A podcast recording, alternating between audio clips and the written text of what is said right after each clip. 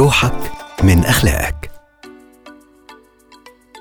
طفل عنده خمس سنين راكب عجلة وفرحان قوي وسايق بكل ثقة وشطارة.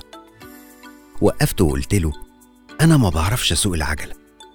رد بمنتهى الرحمة والحنان وقال لي الأول لازم عجلة بسندات لغاية ما تعرف تبدل كويس وبعدين تشيل السندات.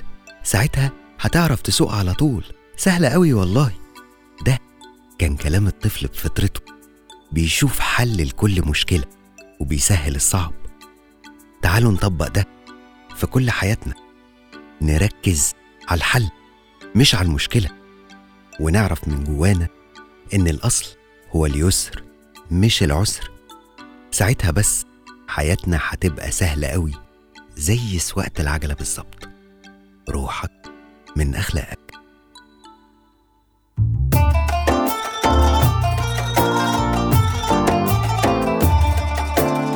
روحك من أخلاقك.